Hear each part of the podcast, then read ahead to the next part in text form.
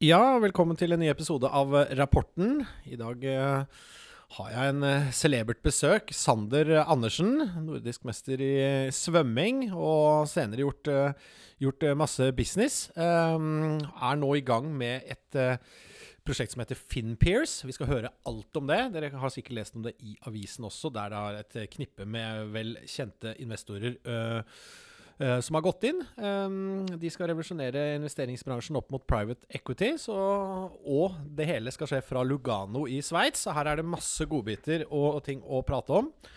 Men først så tenkte jeg å gå litt gjennom um, eh, ja, litt sånn på markedet. Det, det ligger og slår eh, både i aksjer og, og renter. Det er liksom Investorene venter nok på en rentetopp eller ikke, og, og prøver å indiskutere hvorvidt dette her vil være veldig langvarig eller ikke. Og langvarig vil jo da være over flere år, eller om vi har sett en rentetopp inn, i inneværende år. Da. Det er den samme historien som vi har eh, snakket om i de foregående podkastene, så vi skal ikke bruke veldig mye tid på det.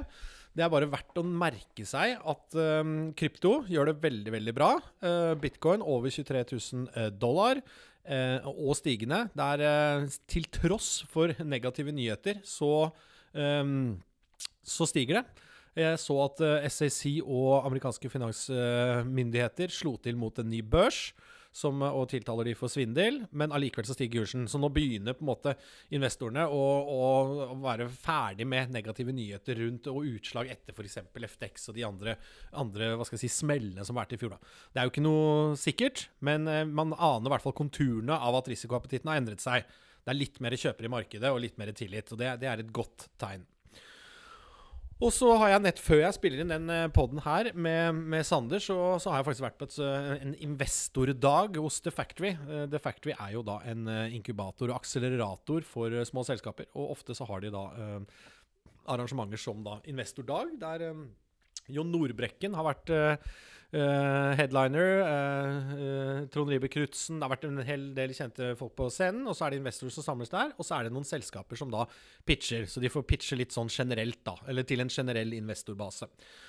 Og det som slår meg, jeg gjorde meg noen tanker der, er at det investorene ofte ser etter, i hvert fall min erfaring, er jo da evnen til gründer, da, eller den som søker penger, evnen til å kunne skape tillit og hente mer penger senere. Så det er ikke nødvendigvis bare overfor seg selv at man sånn Å, ja, nå er jeg solgt på ideen, og du klarte å frem, jeg si, fremføre et budskap. Men det er den tryggheten, de kontaktene, det nettverket, den lille added tingen rundt deg som person, som gjør at en investor sitter i salen og sier sånn Å, hvis jeg putter 500 000 eller en million kroner i det prosjektet, så er jeg ganske trygg på at den personen kommer til å stå sånn overfor andre og gjøre det vel så bra. by på de samme fordelene med seg selv, da, enten det gjelder nettverk, erfaring eller, eller utdannelse eller name recognition eller liksom alle de andre attributtene, da. Så det er, det er noe med et helhetsbilde. Det er, det er, aldri ikke bare pitchen. Det er liksom det å kunne uh, Ja, basically, da. Gjøre investorene trygg på at du klarer å hente mer penger senere, eller ro i land prosjektet til å bli profitabelt. Det er liksom Det er, det er akkurat der det står.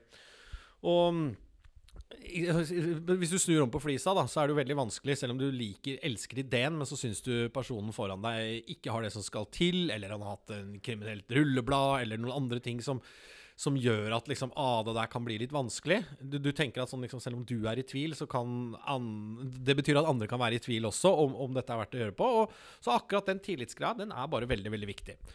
Og så det, det, er det. Og min, min førsteinntrykk av, av Sander, som vi skal høre fra nå, er at uh, han inngir den uh, tryggheten. Eh, man merker det på hele samtalen, man merker det på personen, man ser på kontaktene, og det er kanskje ikke veldig overraskende at han da har fått på plass funding fra noen av Norges mest drevne investorer. Og før vi setter over til Sander, så er det to ord om ukens prosjekt. Nå går det mot lansering av Calypto. Metafashion og NFT-er. Dette blir et veldig veldig spennende prosjekt med, som kalles hva Artist First-prosjekt. Det er De som driver det frem, er noen av våre mest kjente og kjære kunstnere og designere. Så jeg eh, anbefaler dere å gå inn på calypto.xyz. Det er altså da C-a-l-y-p-t-o. Calypto.xyz. Bare registrer e-posten din. Så får du beskjed og en liten intro når vi lanserer That's It. Vi kommer ikke til å spamme noen. De kommer bare til å sende ut uh, akkurat det du trenger å vite på den datoen du trenger å vite det. Så setter vi over til Sander. Ja, velkommen til, uh, til denne podkasten, Sander. Takk for det. Du har jo, eh, som vi nevnte i innledningen, du har nettopp hentet litt eh, finansiering til eh, noe som heter FinnPears. Og vi skal tilbake til selve prosjektet og selskapet, men, men det er greit å liksom få presentert deg litt inn i, i miksen her også. Kan du, kan du, dra litt igjennom deg og hvordan du endte opp i, med blokkjedeteknologi? Eller hvordan du ønsker å definere det? Absolutt. Jeg i mine ungdomsår så var jeg toppidrettsutøver, så det er stort sett der jeg har fått liksom arbeidskapasiteten fra. Um, sluttet uh, etter jeg ble nordisk mester i um, jeg var 17 år. Og så startet jeg egentlig med, med gründerskap og entreprenørskap uh, rett etterpå. Um, og så utdannet jeg meg som eh, innen sports science eh, og liksom coachingveien. Så jeg har coachet flere toppidrettsatleter, og det var liksom en veldig naturlig del av, av livet mitt. Og var litt sånn usikker på hva, på hva, jeg skulle bli når jeg ble stor. Um, og etter hvert som jeg startet et selskap som het Entarbody, som driver med digital trening og kostholdsveiledning, så, så så jeg veldig effekten av det å, å jobbe sammen i team. Eh, det, det er jo en digital plattform der eh, digitale personlige trenere møtes, og så coacher. Eh, altså du får rett og slett en personlig trener rett i lomma, da.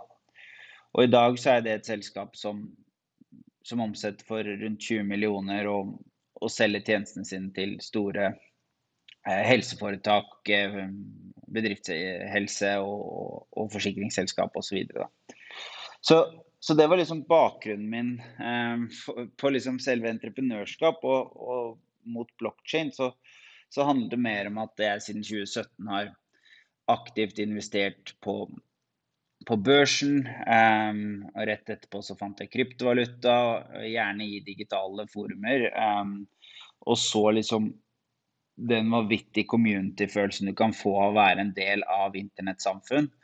Um, og jobbe mot et felles mål. Mye av likt det vi hadde gjort i Entire Body, men nå liksom også det å kunne ta litt risiko og, og sånn når man har litt mer penger enn det man uh, har eh, behov for dag til dag.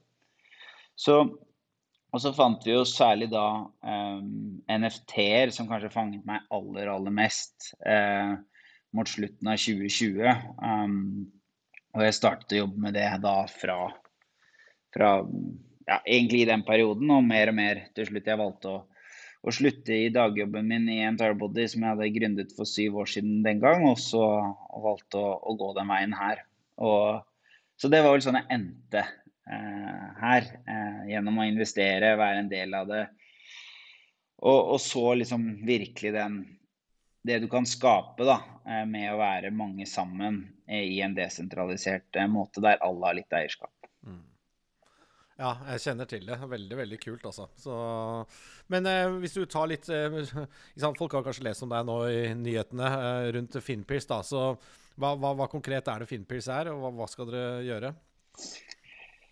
Finpears det handler om å, å, utvikle et community av eh, mindre eh, investorer som ønsker å få tilgang til eh, private equity-sektoren. Det er jo sånn at Private equity er jo en litt sånn altså, skjult ting i finansverden. Det er liksom, Mange har hørt om det. De vet at det er gode, gode, god avkastning, eh, relativt lav risiko i forhold til veldig mye annet. Men så er majoriteten ekskludert fra det markedet pga. de store minimum investeringsbeløpene.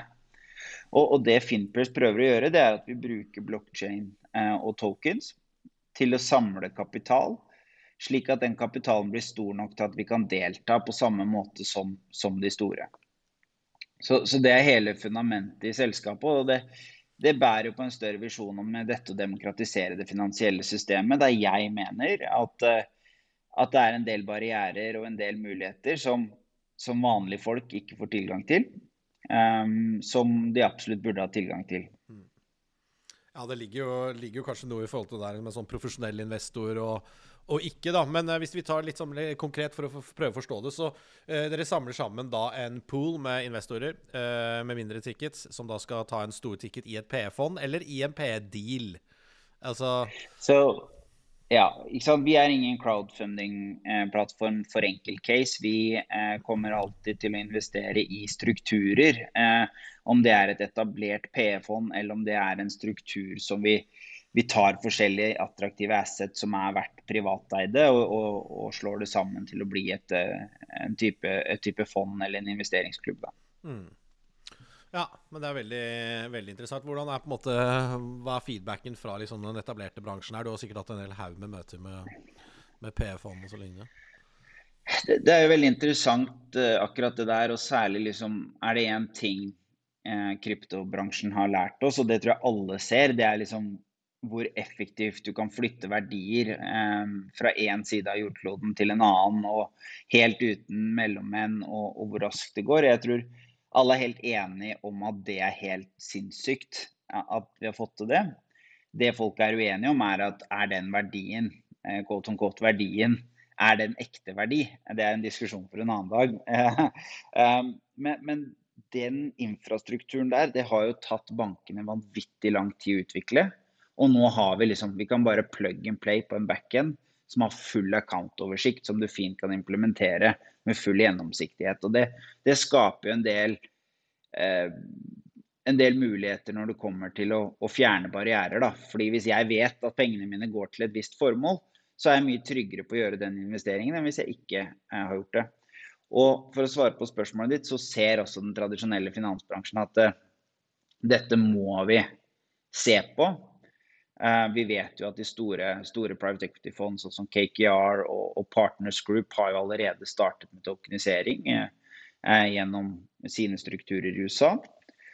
Så, så, feedbacken er gode. Nå er vi snart 70 investorer som er interesserte på, på nyhetsbrevet vårt, som, som, er et nyhetsbrev der du både får innsikt og mulighet til å delta, men også vise interesse at dette er noe jeg har lyst til å være med på. da. Ja, den, eh, den, linken der kan vi jo faktisk dele i shownotes, så det var veldig godt du sa. Det skal jeg huske å gjøre. Um, ok, men Der nevnte du litt om konkurrentene dine. Eh, er det andre direkte konkurrenter på token-siden? Altså, eller sånn som, som, holder på akkurat som dere? Altså, vi, vi tror jo uh, på altså Én ting er selve tokeniseringen av assetene. En annen ting er hvordan bygger du et investeringscommunity der alle er insentivert for at det community skal bli stort. Eh, jeg tror jo at eh, tokenisering blir hyllevare. Mm. Om fem til ti år så, så, kommer ikke det til å være noe unikt. Derfor velger vi å ikke fokusere så mye på teknologien som faktisk tokeniserer real world assets. Der bruker vi en annen tredjepartsplattform. Mm. Mens vi velger å bruke all vår tid og energi på å bygge community-systemet på toppen. For vi tror at makten ligger i å ha nettverkseffekten i investeringscommunity på sikt. da. Og riktig deal flow, kanskje, uten å komme deg for kjøpet, holdt jeg på å si. jo, jo, jo, uten tvil. Eh, ikke sant? Deal flow er jo enormt viktig, men det er ingen som gir deg deal flow hvis ikke du har cash. Nei, nei, nei jeg skjønner greit. Men, men, det der representerer noe, det, det intervjuet her, og prosjektet deres representerer jo et eller annet, skjønner du, for det er liksom neste steg i modenhetsfasen for krypto, spør du meg. For det er akkurat det du sa, at liksom, det blir hyllevare. Det er ikke så interessant. Den første fasen så krangla vi om hvilken protokoll som var råest og best, og liksom sånn hva du kunne gjøre på. Men nå så er det liksom litt sekundært. Ikke, man krangler ikke liksom om man skal ha en Wordpress-side eller noe annet i en business nå. Det er bare sånn hva slags business har du, eh, og hva slags budskap skal du ut med. Det er det som er viktig. Så mm, du, det var veldig, veldig interessant. Eh, veldig kult. Um, hvis dere drar det litt videre, da. Uh, hva med liksom potensielle partnerskap og sånn? da? Har det, ser dere på altså Du snakket jo litt om det, at dere bruker tredjepart sånn, men kommer dere til å inngå liksom faste avtaler med måte store PE-fond eller miljøer eller banker eller altså? Det er veldig interessant. Vi, vi, har jo hatt noen artikler ute, og jeg må si liksom sånn av forhold til hva jeg har vært med på før, så har jo media litt mer appetitt for dette. Både fordi de kan vinkle det positivt og, og negativt. Så, så, vi har hatt veldig mange interessante diskusjoner. Vi har masse diskusjoner med family offices som gjerne vil gi oss investorer, fordi den yngre generasjonen spør aktivt om hva med digitale assets, der kanskje far og sønn er eh, fullstendig uenig.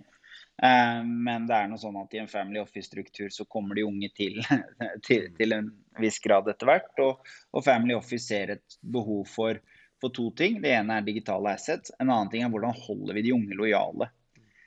For der faren kommer på kontoret, han drikker kaffe, han blir med på vin. Mest sannsynlig han, han unge, han eller henne, de, de, ønsker bare å reise, de, de, er mye mer opptatt av å oppleve verden. De, de er ikke så stedbundet som, som kanskje foreldrene sine. Og, og det, det, gjør at vi får veldig mye traction hos family offices. Eh, til dels har vi fått gode tilbakemeldinger fra private equity-strukturer. Eh, men private equity-strukturer handler jo veldig ofte om har du cashen. Ja, ja. Da, da er det interessant samtalepartner så fort du kommer med eller? Blir det mer interessant der.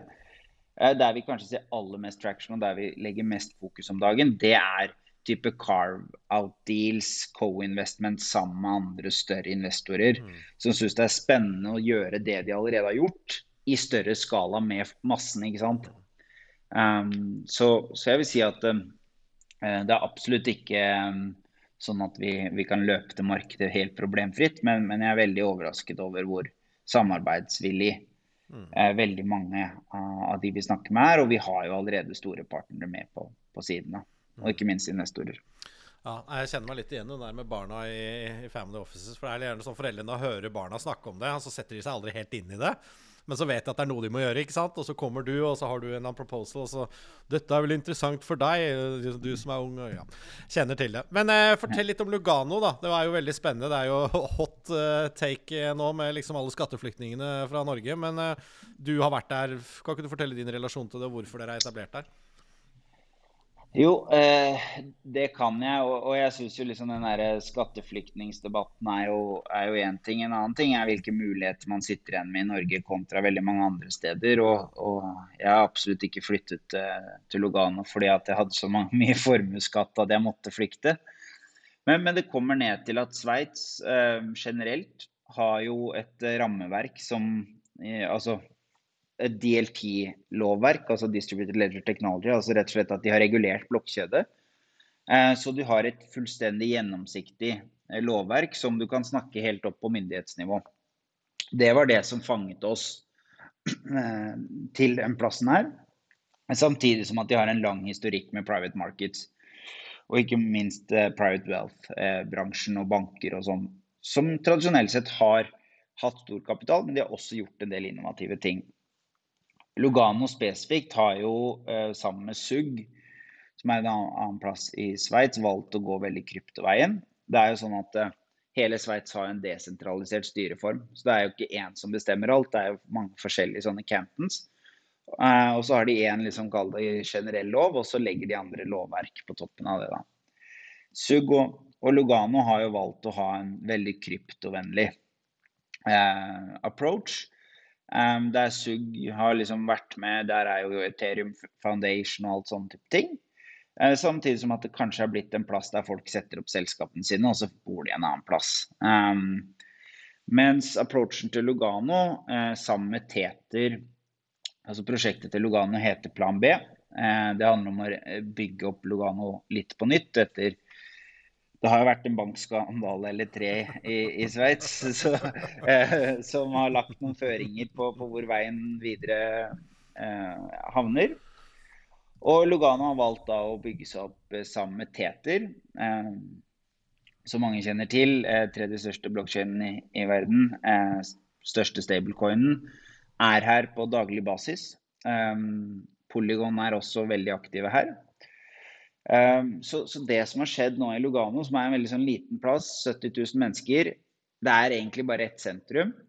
Enn settes sette opp en 2000 um, ehm, kvadratmeter blockchain-hub, der både Teter og, og, Polygon kommer til å være eh, til stede på daglig basis. Um, jeg snakker med dem på ukentlig basis, og de er veldig lett tilgjengelige. Det er et veldig sånn spennende miljø å jobbe i.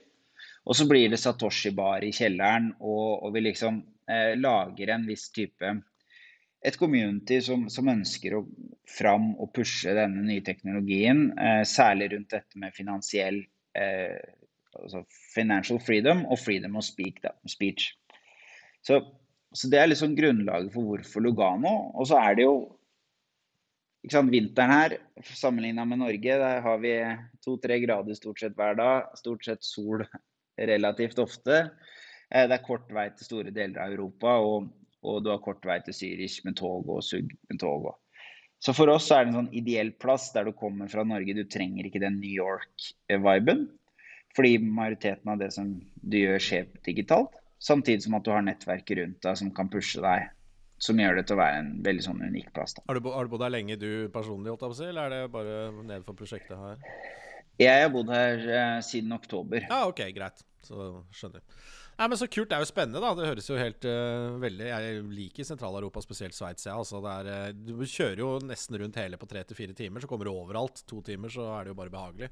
Gode veier ja. er det òg, så det er liksom Det er alt fra liksom Côte d'Azur til uh, hvor som helst i Italia.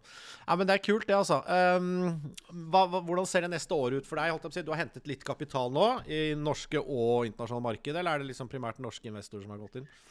Det, det er primært norske investorer, og det har rett og slett med at eh, jeg startet uh, selskapet alene. Um, og, og, derfor var det viktig å få med noen aktive investorer som kunne være med å dra dra lasset. Mm. Så, så, det var egentlig ikke en formell runde, det var en mer sånn nettverksrunde mm. for å få med de riktige ressurspersonene mm. eh, tidlig i prosjektet. Og det er jo folk vi kjenner fra Arcane-tiden. Det er jo Lundqvist og Skorstad og ja, jeg skjønner. Ja, men Det er veldig kult. Det, det er flinke, flinke folk. Uh, men det neste året, da? Du skal, skal, du bygge noe nå uh, med de pengene? Eller er det bygget? Eller er det community? Eller hva, liksom, hva er pri på liksom, neste tolv måneder for deg? Ja, nå, jo, nå, har vi jo fått på plass alt av infrastruktur. Eh, vi har jo litt sånn Finma, som er vårt finanstilsyn her i, eh, Sveits. Vi må bare få avklaring rundt eh, ja, ikke sant? I, i Sveits så regulerer de jo faktisk forskjell på utility token, payment token og security token. Så en del av vårt satsingsområde er jo utility token vår som gir tilgang eh, til vårt community, og vi trenger en sånn non-action letter fra Finma. Det er liksom en viktig del ganske tidlig. Um, vi, vi, ønsker også å sette opp eh, en fondstruktur eh, i, i Luxembourg. Uh, samtidig som vi nå allerede nå er på jakt etter første investeringsobjekt. Ja. Så, så, det neste året kommer til å være et sånt MBP-år. Vi ser for oss at vi i hvert fall kommer til å hente rundt 100 millioner. er liksom sånn benchmark på, på et godt år. Eh, og deretter skalere når det fungerer. For, for, noe av det som Altså 100 millioner fra, altså fra småinvestorer inn i eh, Ja. Og da må du eie den token da for å kunne gjøre det. Det var det som var eh, Bare for å forstå. Ja. Mm. ja. Um, samtidig som at vi kommer til å legge mye mer fokus på liksom eventer og, og samhold. At du skal være en del av noe. Uh, sånn som vi har sett vi tar mye inspirasjon fra, fra Yoga Labs, hvordan de har gått fra å være et sånn bitte lite AP-prosjekt til å være nå den største utfordreren til, mm. til, Meta når det kommer til å bygge et open metaverse. Mm. Og, og, det handler utelukkende om at det er mange mennesker som støtter. Um, det er klart marginene her er gode. Um, og, og, jeg tror at uh, er det én ting folk aldri kommer til å slutte med, så er det å få litt mer penger med de pengene man allerede har. Snakk på en fin måte. um, og, og, særlig det der med det vi ønsker å gjøre og demokratisere, det er jo tilgangen til mennesker som har den deal-flowen. ikke sant? Ja, ja. Jeg tror altfor mange i dag sitter og prøver å ta lodd sjøl. Um, og så er det så ekstremt mye mange der som sitter med små penger som ønsker 300% og så vet man at de store de sitter kanskje og, ja. sitter og ønsker 20 mm. um, så, så, det er liksom en helt annen risikoprofil. Og når man tenker å bygge wealth over tid, så tror jeg liksom aksessen til um, money managers, mm. uh, som er proffe og er liksom helt i toppsiktet, det, det, er helt avgjørende at vanlige, altså i hvert fall mindre mm. investorer, også får tilgang til. Ja, altså det er, jo, det er jo ikke på det samme, men eh, det er litt lignende. Det er jo kjempesuksess i USA med sånn syndikering da, inn i, inn i altså startup-dealer. da, Gjennom AngelList eller liksom masse av de Det er jo mange av de. Så der kan du syndikere. Folk kan investere 10 000 dollar, eh, og så er det mange av de, og så går de inn med en million dollar-ticket inn i et større case. og så men uh, jeg vet ikke om du skal gå helt inn i tekniske, men blir det en NFT, den inngangsbilletten? Uh, organiserer dette her som en DAO på et eller annet tidspunkt? Liksom, har du vært borti de tingene, eller tankene? Yes. Så altså, Selskapet er jo registrert i Sveits, så, så, vi er jo liksom sånn per, per definisjon en sentralisert eh, organisasjon. Eh, vi kommer også til å ha en eh, kvalifisert, sentralisert investeringskomité men der den desentraliserte verdien av vårt community handler om at du kan stemme på hva, skal vi gjøre det eller skal vi ikke gjøre det. Um, men det du gjør, du kommenterer kapitalen på forhånd, uh, sånn at uh, de som styrer deal-flowen har mulighet til å eksekute raskt. Um, og da vil det skje en stemming, da. Men vi kommer ikke til å være en sånn syndikatorganisasjon som finner en deal, og så må vi tilbake en måned og så må vi se om vi henter pengene. Da tror vi at vi får bare dårlige deals, da. Og litt kritikk til, til syndikatstrukturer og sånn, for det er sånn de gjør. Skal man være god i finansmarkedet, så må man være veldig rask, og da må man ha tilgjengelig kapital. Derfor går man ofte til Family Office, fordi man vet de har krutt. Eh, eh Family Office eller hvilken som helst annen eh, finansaktør som har krutt i kassa. Så, så, ja, vi kommer til å ha en desentralisert, eh, kall det DAO-struktur på voting. Vi kommer til å ha en revenue sharing eh, på sikt eh, inn i en DAO-struktur. Um, og, og, selve inngangsbilletten vil med all sannsynlighet være en NFT hvis eh, Finma godtar det, eller om det må være en, um, en vanlig, vanlig token, for å si det sånn. Um, men er de ikke mer bekymret for vanlige token? Sorry at jeg avbryter, altså, men eh, er det ikke NFT litt mer sånn det er, altså, det er jo mer liberalt rundt NFT-er, rundt i hvert fall i andre vestlige juridiske domiciles. da. Um, altså, vi kommer fra NFT-verden, så, så, så, jeg har bare sånn Men jeg kan ikke liksom fortelle deg nå at det blir en NFT, fordi Nei, uh, så, men, men, med høy sannsynlighet så vil det være en NFT og en inngangsbillett som du, eh, som du eier. Um, Veldig kult uh, prosjekt. altså Jeg tror eh, mange har fått innsikt i dette her. og litt sånn Avslutningsvis så må vi jo touche litt innom markedet og sånn. Hva tenker du nå? Det er, jeg synes jo, Hvis jeg bare starter litt ja, som det er liksom Bitcoin holdt seg jo bra gjennom sommeren, egentlig. At han hadde truffet liksom litt sånn bønnivå da, etter etter liksom alle Triaros og Luna og sånn før sommeren, og så kommer FTX-en. Men det, det, liksom, det, er jo egentlig ikke mye ned sånn sett. Nå er det jo opp forbi det nivået før FTX. da. Hva, hva er dine tanker, liksom? Altså, for, for, meg så er det liksom sånn her for hver eneste Nå er ikke jeg, nå er ikke jeg noen veteran fra 2010, men jeg liksom for hver, hver virkelig bear market vi har, så tidligere så har jo liksom krypto forsvunnet fra eh, fra folks munn. Vi bare snakker ikke om det, og liksom vi må reengasjere. Men, men i den, dette bullmarkedet så har vi virkelig snakka om det. Det er stort sett hver dag. Um, på, på, de store finanskanalene, på, på vanlig TV. Eh, 30% av alle, alle liksom eventer og den type ting i Davos handlet jo om blokkjede. Eh, jeg var der nå eh, forrige uke. Og, og, det er veldig liten tvil om at folk ikke tror på blokkjede lenger. Spørsmålet er hvordan vi implementerer det, og, og hvilke valuta har verdi osv.